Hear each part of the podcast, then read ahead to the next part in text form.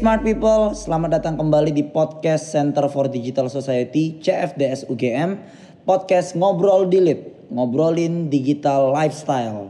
Dan hari ini adalah episode kelima dari podcast ini. Sangat spesial sekali karena kita akan membahas satu hal yang sedang ramai dibicarakan oleh netizen dan bahkan orang yang tidak sedang menggunakan internet pun sedang membicarakannya. Apa itu? Dan jika kalian bisa menebak, ya jelas saja ada judulnya kan di sini kan.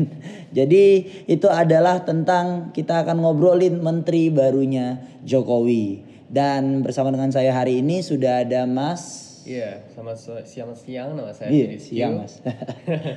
Fidis Q, salah satu assistant researcher di DI Lab. Oke, dari Digital Intelligence Lab. Kalau smart people ingat beberapa episode dari podcast ngobrol di Lead dan Digilog juga sudah melibatkan teman-teman dari DI Lab. Contohnya yang kemarin tentang Spotify dan ada juga tentang Nur Hadi Aldo. Jadi DI Lab adalah big data lab milik Center for Digital Society di bawah Visipol yang punya tool untuk melakukan riset-riset yang menarik dan relevan untuk masa kini. Betul banget nggak mas? Iya, jadi memang fokus di DI Lab itu riset secara kuantitatif kita mengolah data yang diambil, Hmm. yang termnya namanya scraping dari media sosial, internet, Google seperti itu. Oke, jadi kalian punya tool untuk melacak semua itu. Iya, benar. Ya, dan datanya keluarnya angka semua kayak gitu. Eh, Nggak selalu angka, tapi bisa dibilang bisa di-quantify lah. Oke. Seperti itu.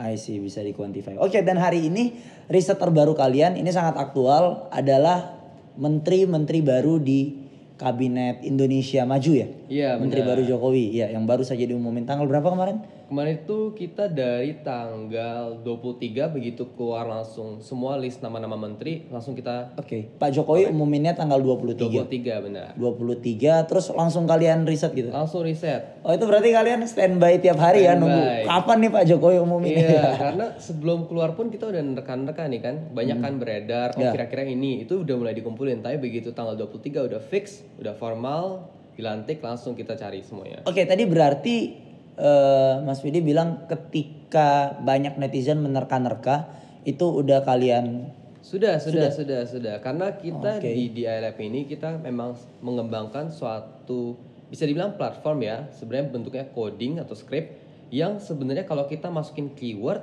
atau mungkin kita ubah sedikit parameter itu langsung keluar hasilnya. Jadi memang prosesnya karena sudah ada platform itu tidak terlalu lama lah ya. Oke, I see. Berarti kalian sudah mulai ngambil data itu periodenya kapan?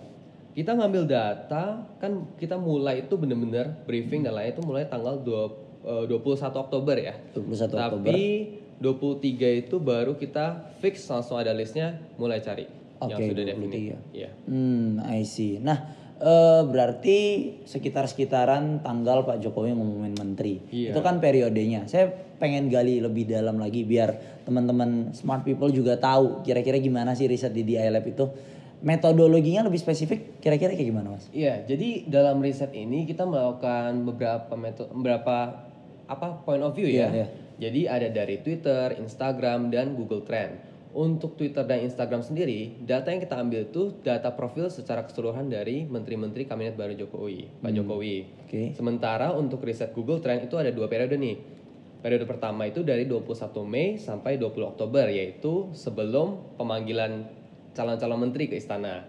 Yang periode kedua itu dari 21 Oktober sampai 26 Oktober. Oke, itu tadi yang periode pertama dari Mei. Dari Mei. Kenapa benar. dari Mei? 21 Mei itu kalau nggak salah baru sudah apa? Pengumuman. Pengumuman ya, Pengumuman pengumuman, hasil Pilpres. Oh, oke. Dan itu kita pengen lihat sih sebenarnya kalau sebe- saat sebelum pelan- eh, pengumuman kabinet baru dan setelah pengumuman kabinet baru itu ada nggak sih perubahan-perubahan terhadap search trend di Google? Oh, oke.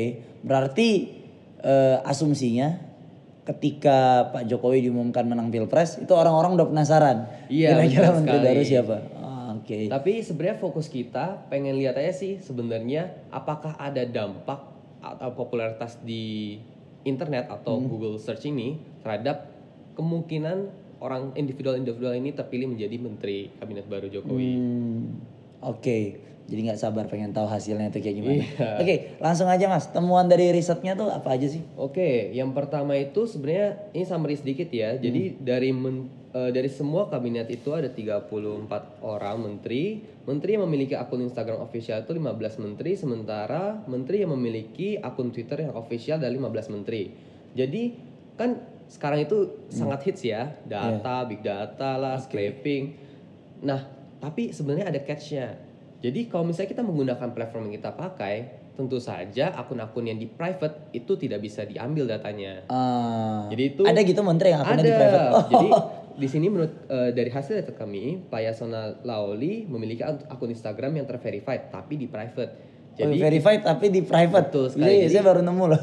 Iya, jadi teman-teman kalau misalnya memang takut soal privacy dan lain-lain itu sebenarnya kalau misalnya di private pun itu API atau eh, program atau script itu juga susah untuk mendapatkan Ah, info teman-teman, akun info akun teman-teman. Jadi Oke. gitu.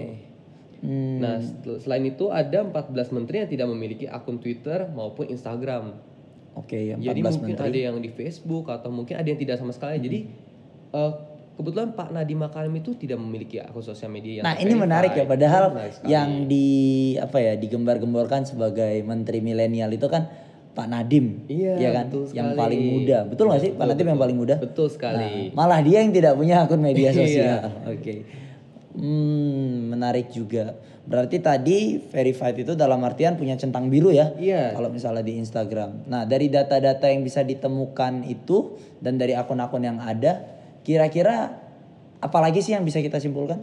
Oh, oh ya sorry tadi itu tapi pengambilan data kita itu juga menga- mengacu pada verifikasi seperti kalau misalnya dia udah bilang nih di publik Oke. eh, oh ini akun Instagram saya atau seperti itu itu juga termasuk dalam riset ini Oh, jadi nggak cuma yang centang biru ya? cuma centang biru doang tapi itu tadi itu data tentang berapa sih banyak menteri yang punya centang biru yang official seperti itu Oke, eh, menurut Mas Vidi, penting nggak sih seorang menteri itu sekarang punya akun media sosial?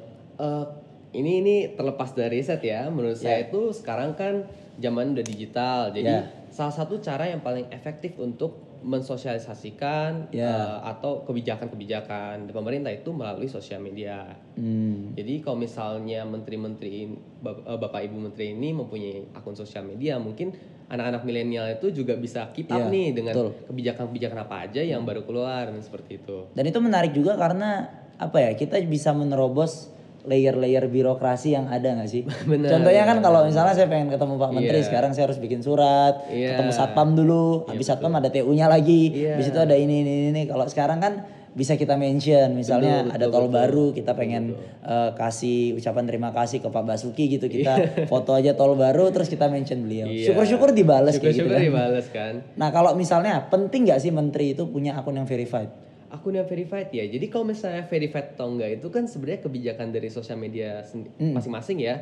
Jadi ada yang katanya ini saya pernah baca aja sih kalau misalnya mau verified tuh bisa aja dikontak mengkontak eh, apa Twitter atau mungkin Oke. Instagram seperti itu nanti dikonfirmasi baru terverified. Jadi tidak sepertinya tidak bukan indikator yang pakem banget bahwa Hmm. harus atau enggak itu sebenarnya relatif sih. Yang Oke. penting kita mengetahui bahwa memang itu kepemilikannya itu dari individu tersebut seperti Oke, itu.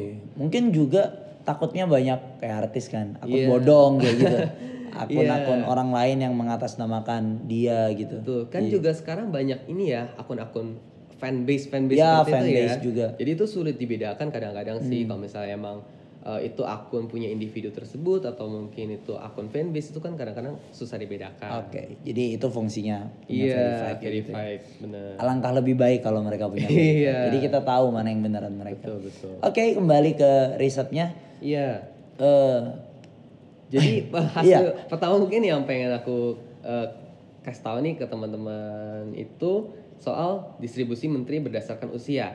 Nah, Oke. ini tuh bener-bener eh, mencetak sejarah banget di zaman ini di mana ada menteri yang milenial nih. Oke. Yang seperti tadi udah sebut, yang teman-teman mungkin udah bisa tebak Pak Nadiem Makarim. Usianya berapa sih? Usianya 38 sekarang. 38 tahun. Iya, 38 tahun itu Pak Nadiem Makarim itu menteri termuda di kabinet Indo- Indonesia Maju ya, Indonesia Iya. Maju sekarang. Itu staffnya manggilnya Mas kali ya. Mas ya kayaknya ya. Jangan Pak. Iya, jadi 2,9 persen atau satu orang dari 34 menteri itu eh, berentang usia 31 sampai 40 tahun yaitu Bap- Bapak Nadiem Makarim. Sementara dari 41 sampai 50 tahun ada 7 menteri, 51 sampai 60 tahun ada 10 menteri, 61 sampai 70 tahun itu ada 14 menteri dan 71 sampai 80 tahun itu dua menteri.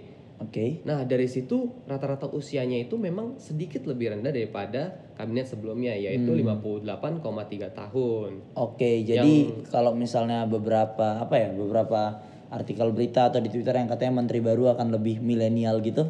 Eh, sebenarnya sudah menuju situ sih sebenarnya. Menuju situ. Menuju situ. Ini benar-benar eh, semacam hal yang exciting lah menurut Ya, kita. ya. exciting. Iya. Oke. Karena tahun eh, kabinet yang sebelumnya itu kan 58,9 tahun rata-rata usianya. Iya. Ini ada penurunan sedikit teman nggak terlalu banyak sih memang masih didominasi oleh yang lebih senior. Oke. Yang baru berapa tadi rata-ratanya? 58,3 tahun. 58,3. Berarti bedanya 0,6.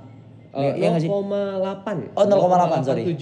0,87. 0,87. Oke, ya ada penurunan Ada usia. penurunan lah ya. Yang paling tua itu ada Bapak Fahru Razi yaitu 72 tahun dan Oke. eh sorry tadi eh, Pak Nadiem Makarim itu masih 35 tahun ternyata. 35 bukan 38. bukan 38. Wow, Wah, masih muda banget ya. Ya 35 tahun. Iya, itu saya beberapa tahun lagi. Waduh. Enggak, enggak, bercanda. Semoga Dia udah ya. jadi menteri ya. Oke, 35 tahun. Ya, namun dari dari hasil eh, hasil riset kami itu juga ternyata distribusi gendernya itu justru agak berkurang jumlah perempuannya. Oke, ini gender ya Iya. sekarang. Representasi perempuan. Representasi. Jadi ada 29 menteri laki-laki dan 5 menteri perempuan. 5 menteri. Itu turun dari yang sebelumnya 24% perempuan, sekarang hanya menjadi 15,2%. Kalau yang sebelumnya ada berapa itu? 24% itu 24% itu ada 8. 8 ya, menteri berarti perempuan. berkurang tiga orang. Ya, berkurang tiga orang. Hmm, Oke, ini cukup menarik ya. Jadi itu sum up, memang rata-rata usianya itu menurun, tapi Iya, tidak sebanyak itu. betul. Tidak sebanyak itu, tapi oke lah ya. Tapi oke lah ya. Mungkin Hmm. Dan- ini one step. Ya, one step ahead lah. Dan hmm, perempuannya itu menurun ya. Dari Jauh yang menurun, periode menurun, sebelumnya ada 8, sekarang ada 5. 5 betul. Oke, itu tentang demografi. Nah, sekarang kalau popularitas, biasa kan di iLab-nya itu tuh Iya. trennya di netizen kayak gitu. Eh, semacam ini up research dari men- apa press conference sebelumnya yang Iya. juga meliput popularitas menteri. Jadi di sini kita mendefinisikan popularitas itu dari Twitter follower atau engagement atau dari Instagram, Hmm. Instagram statsnya. stats. Nah, as of October 26 eh, 2019 ini Pak Prabowo itu masih di posisi paling atas nih. Di Twitter dan Follower di Twitter. Instagram. Oh, Twitter ya, Follower Twitter. Twitternya paling Twitter banyak dulu. Pak Prabowo. Oke. Di posisi kedua ada Pak Mahfud MD dengan sem- 3 juta uh, follower. Pak Wisnu Tama di posisi nomor 3 diikuti oleh Pak Cahyokumolo dan Erick Thohir. Pak Oke. Thohir. Sementara uh, Twitter engagement, nah, Twitter Oke. engagement itu dari uh, reply, retweet, seperti itu ya. Jadi itu Pak Mahfud MD itu di posisi paling atas. Walau yang follow, walau, bukan yang follower paling Betul banyak. sekali. Oke, mungkin karena Pak Mahfud itu sering ngebalesin reply-reply netizen gitu Jadi ya. kalau bisa dilihat itu sebenarnya Pak Mahfud MD itu tweetnya jumlahnya lebih banyak daripada Pak Prabowo. Oke. Jadi itu mungkin salah satu faktor kenapa kalau engagement itu lebih Hmm. tinggi Pak Pak, Pra- eh, Pak Mahfud MD dibanding Pak Prabowo. Iya. Tapi secara average sebenarnya nggak jauh beda. Kalau kita menghitung jumlah engagement Hmm. eh, dibagi oleh jumlah tweetnya sebenarnya nggak jauh beda. Oke. Di posisi pertama Pak Mahfud MD, posisi kedua ada Pak Prabowo, posisi ketiga ada Pak Budi Karya, posisi keempat ada Pak Wisnu Tama dan posisi kelima ada Pak Erick Thohir. Oke, menarik ya dari Twitter.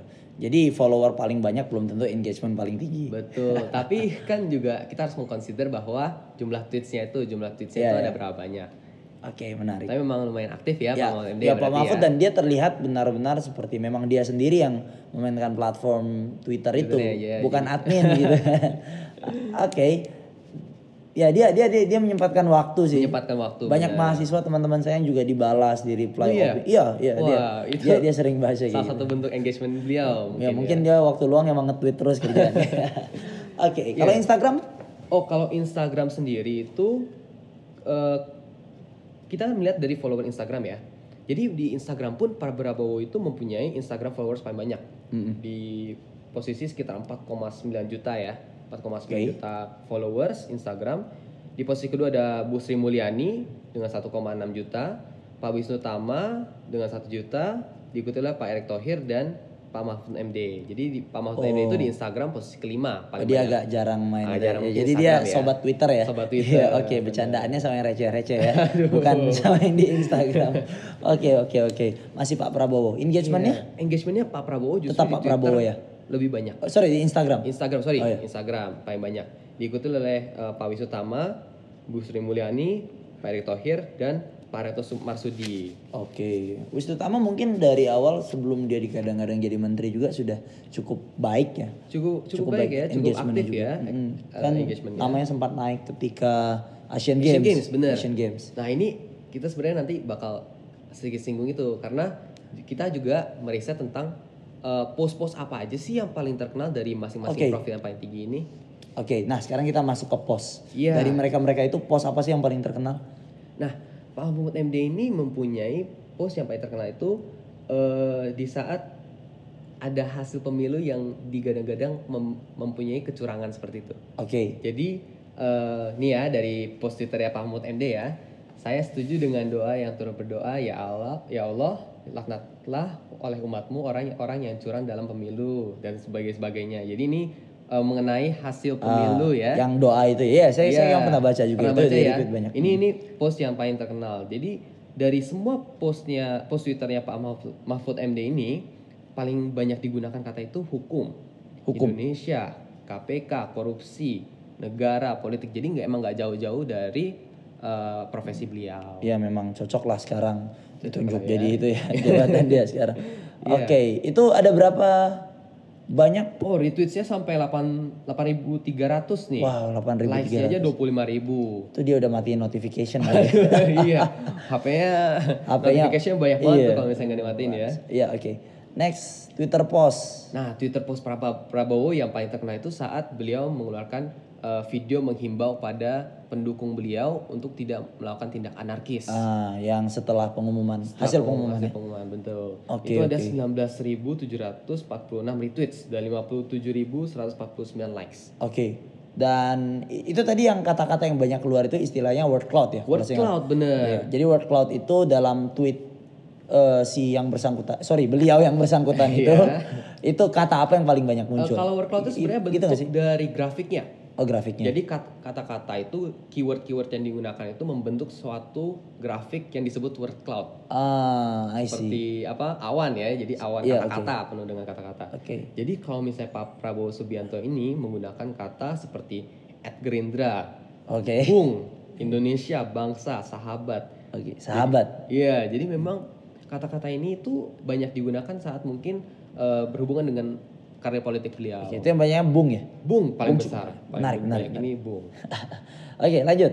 Lanjut, ada Pak Budi Karya Sumadi itu ada eh, Twitter post yang menyayangkan sikap arogansi pada petugas aviation security di Bandara Sam Ratulangi Manado. Jadi Ah. ini salah satu mungkin eh, Itu memang sesuai ya. Dia Iya. sebagai Menhub juga. betul sekali. Jadi memang tidak jauh-jauh dari profesi beliau. Coba saya tebak word cloud-nya apakah banyak kata-kata yang berhubungan dengan perhubungan? Betul sekali. Oh, iya, Jadi kapal, cloud-nya itu- pesawat gitu. Betul. Transportasi, Oh. pelabuhan, bandara, kereta itu muncul di tweet-tweet beliau. Oke. Mm-mm. Lanjut lagi ada Pak Wisutama nih yang seperti tadi saya bilang. Eh, post yang paling terkenal dari Pak Wisutama ini adalah saat beliau mempost tentang opening ceremony Asian Games 2018. Oh iya itu pecah banget sih. Wah, pecah banget. epic. Epic ya itu ya. Nah, karena beliau ini baru kira-kira baru masuk ranah Hmm, politik ya. Jadi word cloud beliau ini diisi oleh kata-kata sepe- eh, seperti net, at met, net media tama, net, bro, Oh, ada acara. bro. Iya, Nah, lebih lebih santai ya. Iya betul. Dia memang cocok sih. Betul. Nanti kan bidangnya di ekonomi kreatif juga dan Iya. pariwisata. Jadi harus chill gitu. Harus chill ya. Iya. Mewakili Iya. orang-orang santuy. Iya, seperti ya. santuy. Menarik, menarik, menarik. Nah, Pak Erick Thohir ini sebenarnya eh, bahasa-bahasa yang digunakan itu juga lumayan mirip-mirip dengan Pak Wisutama ya, lebih Iya, iya. casual ya. Ya, soalnya dia juga punya beberapa klub bola, Betul pengusaha sekali. juga. Eh, di ini sisi muncul Persib, Game, Warriors, Muda, Hmm. NBA seperti itu ya. Dan post beliau yang paling terkenal itu saat beliau memposting foto pertemuan antara Pak Jokowi dan Wah. Pak Prabowo. Nah, ini menarik ya. Justru Menarik dia. Tidak begitu involved sama politik tapi post paling terkenalnya itu yang soal politik ya. gitu. Iya, Saya pikir foto dia sama klub bolanya mungkin Iya, lagi di Italia atau lagi di mana. Mungkin ya, tapi ternyata post ini yang di- eh, mempunyai engagement, Engagement yang paling tinggi. paling, paling tinggi betul. Oke, lanjut lagi.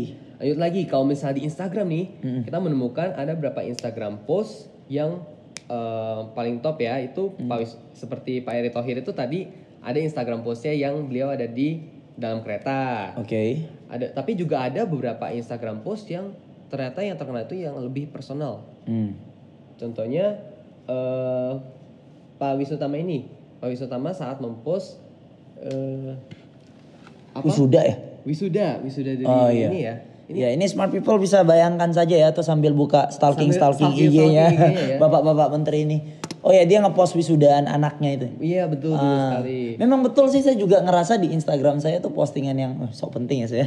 postingan yang personal itu yang tidak soal kerjaan atau apa yang kita branding. Misalnya kan saya banyak posting tentang musik.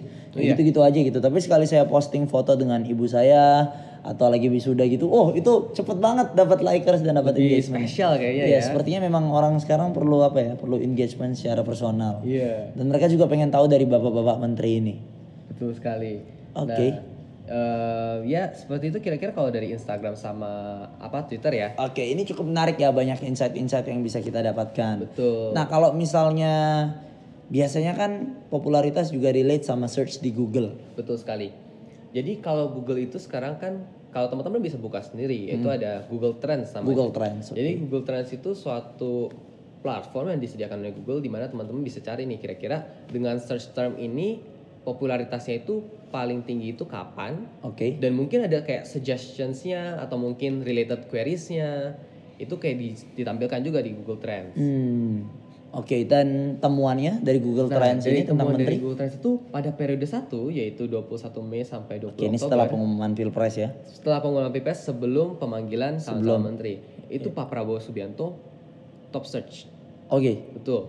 Dan yang kedua itu ada Pak Yasona Laoli, diikuti oleh Pak Mahfud MD, Pak Tito Karnavian dan Pak Wisutama. Itu saya nggak tahu ini spekulasi atau asumsi. Iya. Mungkin Pak Pak Yasona itu karena dia sering muncul di TV juga kali ya. Iya, jadi kalau misalnya yang dari hasil temuan kami itu top search-nya itu saat beliau digadang-gadang eh, mau mundur dari eh, kementerian ya dulu ya. Oh Teh? iya iya iya. Dan in- ingin masuk ke, DPR. Legislatif ya. Legislatif. Betul.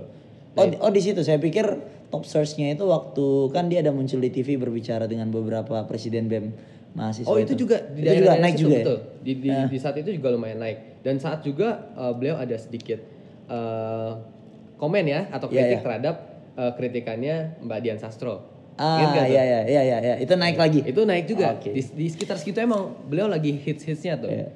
Nah dari pencarian Google ini kita bisa melihat uh, pencarian terkaitnya. Jadi pencarian Hmm. terkait itu contohnya uh, aku nge-search nih Pak Prabowo Subianto. Nah nanti kira-kira di ke depannya aku bakal nge-search apa lagi?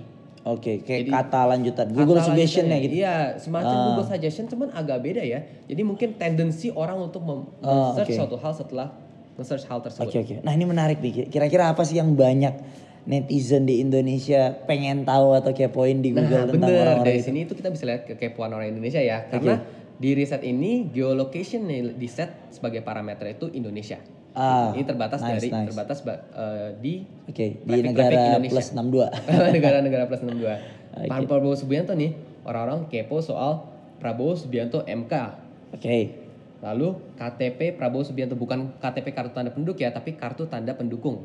Ah iya iya Ya, waktu itu ingat saya- saya sempat Yang dengar. itu. Betul betul. Nah juga ada, wah ini agak nusuk buat saya ya, tapi Prabowo Subianto titik Soeharto. Oh. Aduh.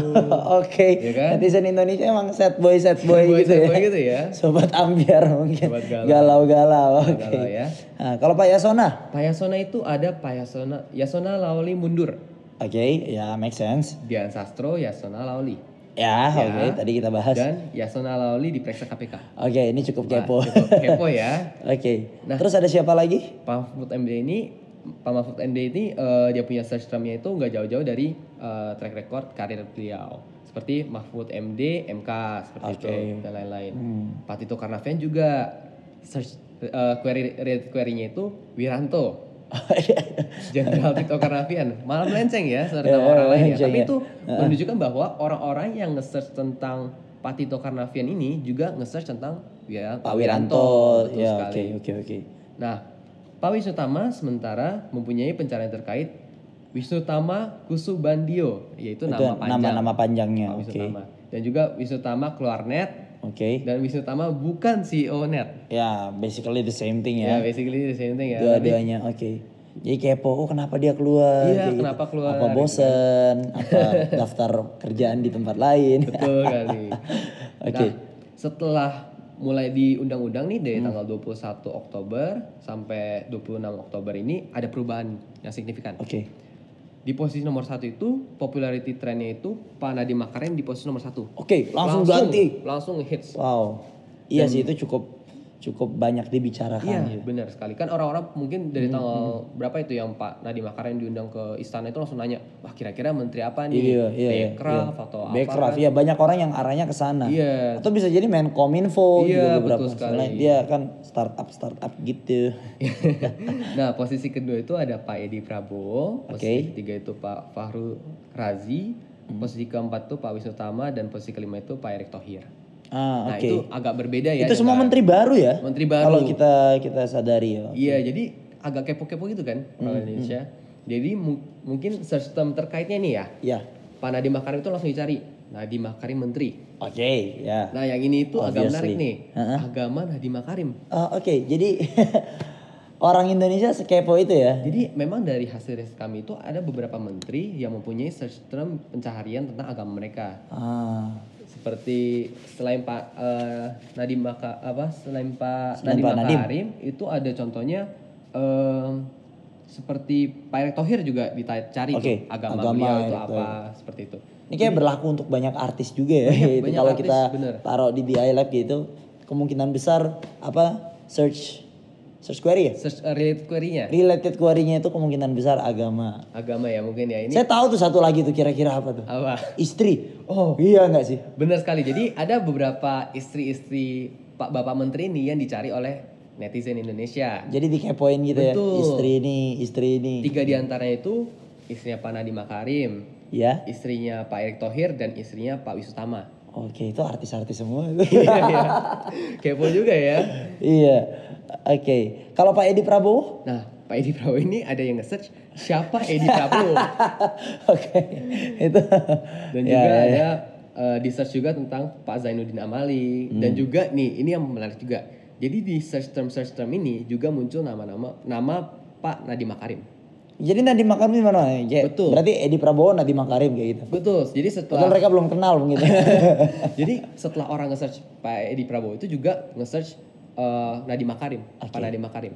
Jadi memang nge- nge-boomnya Pak search term tentang Pak Nadiem Makarim ini terrefleksikan dengan related queries yang muncul dalam data kami. Hmm. Jadi Nadiem Makarim stop itu ya. Stop Se- itu pas setelah se-ngebum itu ya? langsung di Sampai dia merecoki di statistik-statistik menteri-menteri lainnya. Betul. Jadi Oke. di pos yang tadi pos nomor tiga itu Pak Fahru Razi itu ada yang cari Menteri Agama. Oke, masih biasa lah. Fahr Fahru Razi profil Oke. dan juga lagi muncul lagi Nadiem Nadiem Makarim. Makarim lagi, ya, Nadiem oke. Makarim lagi. Nah, Kalau Pak Wisnu Tama nih? Pak Wisnu Tama itu ada Wisnu Tama Menteri, Nadiem Makarim lagi, Lagi. dan istri Wisnu Ya, Tama itu yang tadi kita tadi bicarain. kita bicarain. Oke. Betul. Nah, posisi nomor 5 Pak Erick Thohir itu ada Wisnu Tama. Jadi Oke. Pak Wisnu Tama munculnya Oke, di jadi Wisnu Tama query-nya lumayan Pak kayak nih. Pak Nadiem lah ya. Iya, dan juga ada Nadiem Makarim lagi. Oke, Dan menarik. juga Istri. istri, Erick Thohir. Keponya orang Indonesia itu Keponya. sampai gitu Iya, ya. istrinya kayak gimana sih? Wah, Atau gimana sih caranya Gimana jadi sih? istri Erick Thohir? iya. Mungkin ya. Oke, oke, oke. Ini cukup menarik. Jadi memang kalau dalam uh, Google Trends search uh, Google Trends ini kan memang kalau misalnya kita lihat dari websitenya itu maksimalnya itu 5 search search term ya. Tapi menggunakan bahasa pemrograman Python kita meng- meng- semacam memodifikasi gimana caranya kita bisa membandingkan langsung 30 34 menterinya. Wow. Jadi memang pengolahan data, pengambilan data dan pengolahan data itu sudah segitu majunya. Kalau Iya. apalagi kalau misalnya di di negara luar ya, itu memang kalau misalnya riset dalam uh, social science pun itu sudah menggunakan data. Hmm. Ya, Jadi sudah sekuantitatif itu dan memang itu bisa real dan Betul. bisa kita buktikan. Jadi nggak berbicara tentang asumsi lagi. Asumsi Misalnya lagi. kayak ada orang mau ngomong sekarang menteri-menteri ini masih yang basic ya, Masih yang basic, masih soal betul. demografi ya. Menteri sekarang banyak yang lebih muda kan bisa kita kita ambil rata-ratanya benar nggak sesuai angkanya kayak gitu. Jadi, ada kuantitatif datanya Iya. ya buat nge-backup ya. Jadi kalau ketika udah kuantitatif nggak bisa ngapa-ngapain lagi. Memang sudah seperti itu. Iya. Oke. Tapi memang kalau misalnya dalam eh, salah satu kan kebetulan saya baru ya di Iya, iya. bidang ini, eh, maksudnya bidang social science ini Iya. mengaplikasikan em, teknologi di social science itu salah satu challenge-nya itu di mana kita bisa bikin inference. Oke. Jadi saya sendiri kan bisa dapat data nih, tapi kan inference-nya itu butuh mungkin teori-teori sosiopolitik Ya, ya, yang lebih lanjut untuk mendapatkan informasi lebih lanjut. Betul. Nah, Informasi lebih lanjut. lebih gray area.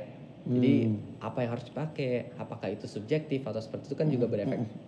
Nah itu memang salah satu um, challenge yang Hmm. dihadapkan pada um, social scientist sekarang. Ya, ya itu membuka satu kemungkinan baru. Kemungkinan baru betul. membantu juga setidaknya gray areanya tidak segrey itu lagi. Iya. Tapi tetap ada apa ya sentuhan subjektif yang khas banget Iya, di mungkin ada sentuhan studi-studi subjektif ya. sosial gitu. Iya, makanya kalau misalnya di bidang statistik sendiri, kita mengetahui bahwa kalau kita ngambil data, Hmm. ada yang perbedaan di antara correlation sama causation. Oke. Jadi kalau misalnya data kita menunjukkan ada korelasi positif, itu belum tentu eh, satu faktor itu disebabkan faktor yang lain. Iya ya.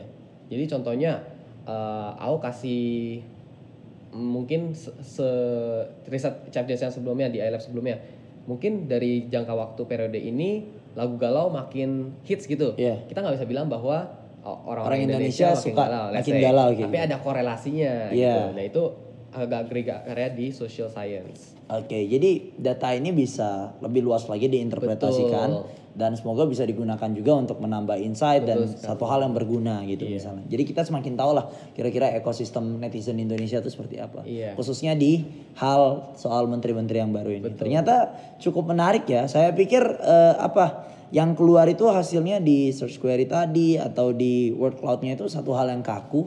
Ternyata udah mulai tidak sekaku itu Iya, tidak sekaku dan itu. sudah mulai santai, Iya. personal, menarik, a little bit of entertaining juga Iya. mungkin. Nah itu Ya, sangat jadi, menarik.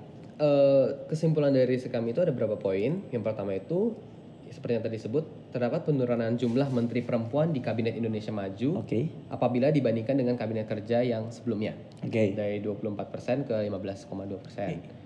Rata-rata usia menteri kabinet Indonesia Maju adalah 58,03 tahun. Sedikit turun ya dari Iya. kabinet sebelumnya yang 58,9 oke. tahun. Berarti memang sah kalau dikatakan menteri-menteri makin muda. Ma- makin muda dengan margin yang sekitar 0,8 ya 0,8 ya, pelan-pelan. 0,87 pelan-pelan ya mungkin ya.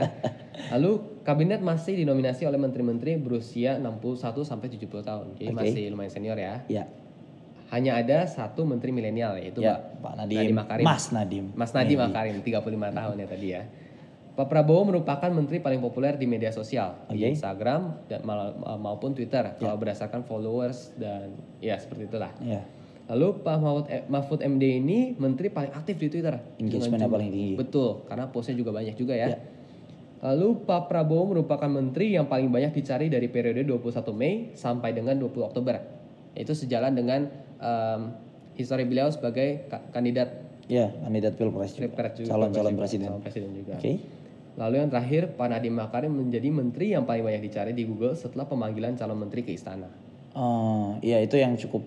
Itu ya, cukup itulah. terefleksikan ya dalam data yang kita dapat ya. Cukup merefleksikan. Tadi udah bisa dicek juga. Oke, itu simpulannya. Iya, Dan luar biasa banget ternyata ini menambah insight kita dan kita juga tahu betapa kerennya big data zaman Iya. now ya gitu ya. Semoga bermanfaat lah kalau Semoga bisa bermanfaat. Oke, terima kasih banget Mas Vidi buat ngobrol-ngobrolnya dan smart people eh, jangan lupa juga buat follow semua media sosial Center for Digital Society di Instagram ada @cfds underscore UGM di Twitter dengan username yang sama @cfds underscore UGM di Facebook Center for Digital Society untuk tidak ketinggalan informasi-informasi seputar event, riset, insight-insight menarik, ada giveaway dan kompetisi-kompetisi terbaru dari CFDS. Dan juga jangan lupa untuk tonton vlog-vlog dan konten-konten menarik ada juga di YouTube. ada juga yang membahas tentang konten ini. Sebentar lagi akan Iya. rilis di YouTube. Jadi jangan lupa buat subscribe, like, komen juga ya, biar kayak YouTuber kayak gitu ya.